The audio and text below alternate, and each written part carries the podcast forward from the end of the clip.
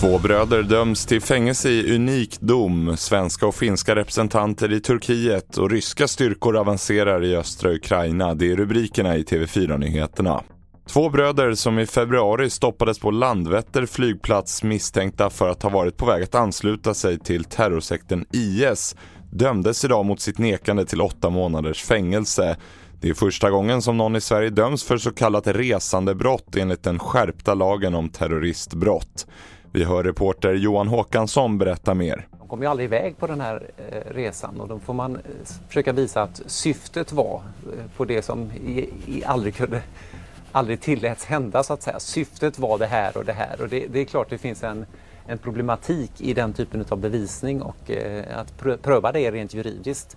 Och det har ju inte gjorts då sedan den här lagen skärptes eh, 2020 utan det här är det första fallet vilket väl borgar för att det får en fortsättning i hovrätten och kanske ännu längre.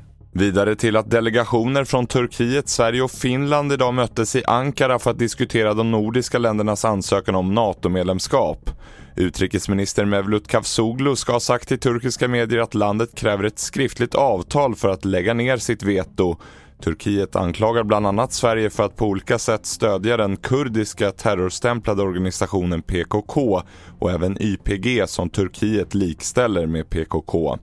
Från Sverige är Magdalena Andersson statssekreterare på plats och för honom handlar det mycket om att reda ut exempelvis att Sverige varken säljer vapen eller ger bistånd till PKK eller YPG.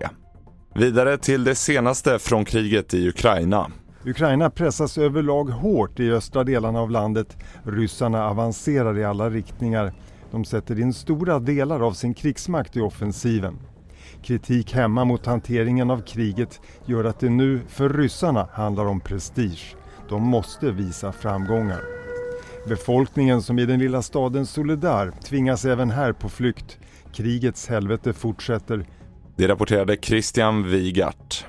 Slutligen om att Zlatan Ibrahimovic har opererat sitt knä och kommer enligt sin klubb AC Milan att bli borta i 7-8 månader. 40-åringen har ännu inte meddelat om han ska fortsätta sin karriär.